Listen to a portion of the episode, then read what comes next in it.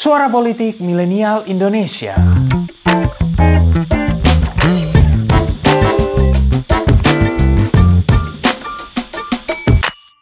Ngomongin tentang rahasia kehidupan dunia intelijen, sepertinya tidak akan ada habis-habisnya. Cerita-cerita mereka yang sering kali terdengar fantastis, terkadang memiliki sejumlah alasan yang selalu membuat kita berpikir bahwa banyak kisah-kisah intelijen yang masuk akal untuk dapat terjadi. Dan bicara tentang intelijen, Central Intelligence Agency atau CIA sepertinya menjadi badan intelijen negara yang paling terkenal. Ya, intelijen asal Amerika Serikat ini sering direferensikan dalam sejumlah film-film Hollywood. Maka tidak heran ya kalau sebagian besar dari kita pasti pernah mencari tahu tentang kiprah CIA di dunia nyata. Sebagai badan intelijennya negeri Paman Sam, sang negara didaya, Tentu sudah jelas, CIA adalah badan intelijen terbaik di dunia, bukan? Hmm, well, meski CIA adalah salah satu intelijen dengan pendanaan paling besar di dunia, ternyata di kalangan pencinta intelijen terdapat perdebatan sengit loh tentang lembaga-lembaga intelijen negara lain yang diduga lebih baik dari CIA. Salah satunya adalah lembaga asal Israel yang bernama Mossad. Mossad didirikan pada tahun 1949 oleh Perdana Menteri Israel David Ben-Gurion. Ben-Gurion mengatakan alasan Mossad didirikan adalah karena dari sejak awal terbentuknya Israel selalu berada di bawah ancaman musuh-musuhnya.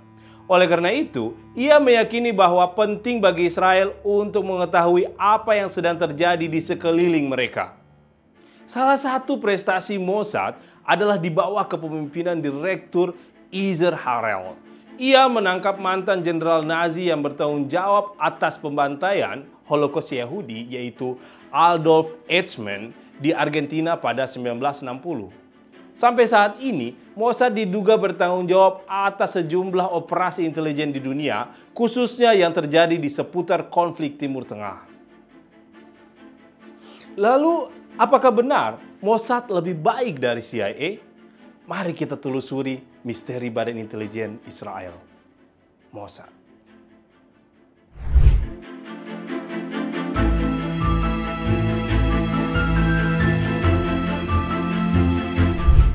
Untuk memahami tentang performa Mossad sebagai suatu badan intelijen, sepertinya cocok bila kita pertama-tama berkaca pada kisah legendaris dari salah satu pahlawan paling terkenal di Israel yang bernama Eli Cohen.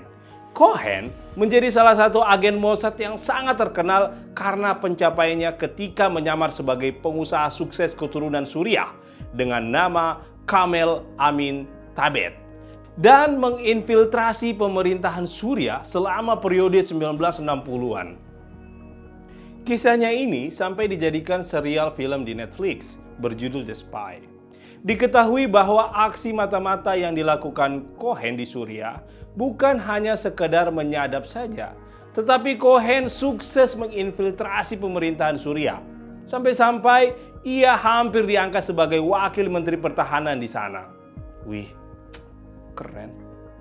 Tapi tahukah kalian, meski Cohen adalah seorang mata-mata legendaris, ternyata dia memiliki latar belakang layaknya warga sipil biasa Mengutip dari laman Tirto, menurut seorang akademisi Universitas Los Angeles yang bernama Daniel Galili, pertama-tama lamaran untuk bekerja di Mossad ditolak tanpa alasan yang jelas. Dia kemudian menjadi akuntan dan menikahi kekasihnya, Nadia Majal, pada 1959. Sekitar setahun setelah pernikahan dan menjalani hidup layaknya orang biasa, Mossad baru merekrutnya karena Cohen dianggap cocok menjalankan misi penyusupan ke Suriah. Cohen lalu dibekali latihan selama enam bulan pada tahun 1961. Cohen menjalankan misinya dan pergi ke Argentina. Cerita Cohen menjadi representasi tentang kekuatan Mossad karena hanya dengan waktu pelatihan yang relatif singkat, mereka bisa menciptakan seorang mata-mata yang sedemikian legendarisnya. Lantas, sebenarnya seberapa kuat Mossad sebagai suatu badan intelijen? Well, dari segi struktural, dengan anggaran tahunan sekitar 3 miliar US dollar dan jumlah staf di seputaran angka 7.000 staf, Mossad adalah agensi mata-mata terbesar kedua di dunia barat setelah CIA. Dengan modal itu, Mossad berhasil mengeksekusi sejumlah misi spionase yang sangat besar. Salah satunya adalah kontribusinya dalam menghalau program nuklir Iran. Mengutip sebuah artikel dari laman BBC, pada tahun 2018 lalu, Mossad berhasil mengambil sejumlah dokumen krusial mengenai pengembangan nuklir Iran dari sebuah gudang di Teheran. Mantan kepala Mossad, Yossi Cohen, mengungkapkan bahwa operasi tersebut membutuhkan perencanaan selama 2 tahun dan total 20 agen Mossad terlibat di lapangan. Selain itu, ia juga membeberkan kemungkinan keterlibatan Mossad dalam penghancuran fasilitas nuklir Iran di Natanz dan dalam pembunuhan ilmuwan nuklir. Tentunya, misi-misi spionase Mossad tidak bisa dilakukan tanpa kemajuan teknologi. Menurut media kabar Israel, N12, Mossad mengintegrasikan seluruh kekuatan teknologi yang dimiliki Israel ke misi-misi rahasia di negara-negara musuhnya – ini termasuk teknologi pembelajaran mesin, penyebaran perangkat teknologi tak berawak di seluruh dunia, dan kecerdasan buatan atau artificial intelligence. Well, beberapa waktu yang lalu memang pernah tersebar uh, kabar bahwa Mossad telah menggunakan robot untuk membunuh seorang ilmuwan nuklir Iran bernama Mohsen Fahrizadeh. Robot ini disebut mampu menembakkan senjata api dikendalikan dari jarak jauh. Lalu dengan pencapaian misi spionase dan kemajuan teknologinya, mungkinkah Mossad lebih baik dari CIA? Pengamat militer dari Institute for Security and Strategic Studies atau ISS, Khairul Fahmi, mengatakan bahwa meski dari pendanaan resmi dan jumlah staf Mossad masih di bawah CIA, akan sulit untuk mengatakan CIA lebih dari Mossad. Hal ini menunjukkan karena dalam dunia intelijen banyak keunggulan yang ditutup-tutupi dari publik. Dari sektor pendanaan contohnya, mungkin secara resmi memang CIA punya budget rutin tahunan yang jauh lebih tinggi dengan angka sekitar 15 miliar US dollar. Sementara Mossad hanya di sekitar 3 miliar US dollar. Akan tetapi, itu tidak mencakup sejumlah sumber pemasukan dari sumber-sumber yang tidak resmi, seperti ventura perusahaan di negara asing dan sejumlah jaringan bisnis yang tersebar di dunia. Lalu ada juga faktor fokus kerja.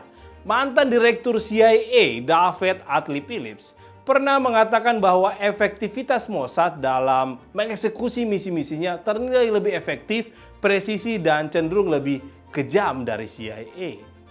Pendapat ini juga dibenarkan oleh Fahmi yang menilai bahwa dari segi motivasi pun Mossad memang dituntut untuk lebih kejam karena Israel adalah sebuah negara yang terletak dikelilingi oleh para musuhnya di Timur Tengah.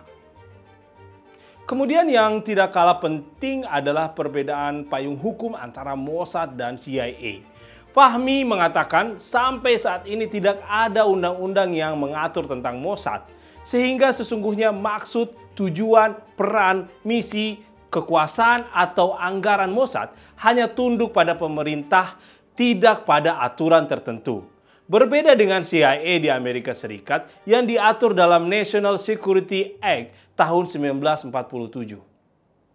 Oleh karena itu, bisa disimpulkan bahwa kalau dilihat dari aspek-aspek tertentu, Mossad lebih baik dalam melaksanakan sejumlah tugas spionasenya. Tapi kemudian penting untuk kita pahami bahwa itu tidak secara otomatis membuat Mossad menjadi lembaga intelijen yang lebih unggul dari CIA. Karena perbedaannya adalah mereka berfungsi di suatu negara yang secara teknis sedang berperang, sementara CIA dan Amerika hidup di puncak hegemoni dunia. Itu bedanya. Fokus CIA bukanlah mempertahankan kelangsungan hidup negaranya, Sementara Mossad sampai saat ini masih berpandangan demikian. Mereka perlu bertindak keras agar Israel tidak runtuh dalam persaingan sengit negara-negara Timur Tengah. Well, Setelah mengetahui kisah tentang betapa sengit dunia intelijen Israel, barangkali kita juga bisa berkaca pada perkataan salah seorang mantan agen Mossad, Peter Malkin. Even a secret agent can lie to a Jewish mother. Kaum Yahudi memiliki sejarah spionase yang kental, maka tidak heran jika mereka sampai saat ini memiliki agensi mata-mata yang menjadi salah satu terbaik di dunia. Terima kasih telah mendengarkan episode kali ini. Nantikan episode-episode selanjutnya dan jangan lupa untuk kunjungi pinterpolitik.com untuk dapatkan informasi seputar fenomena politik di Indonesia. See you next time and bye-bye.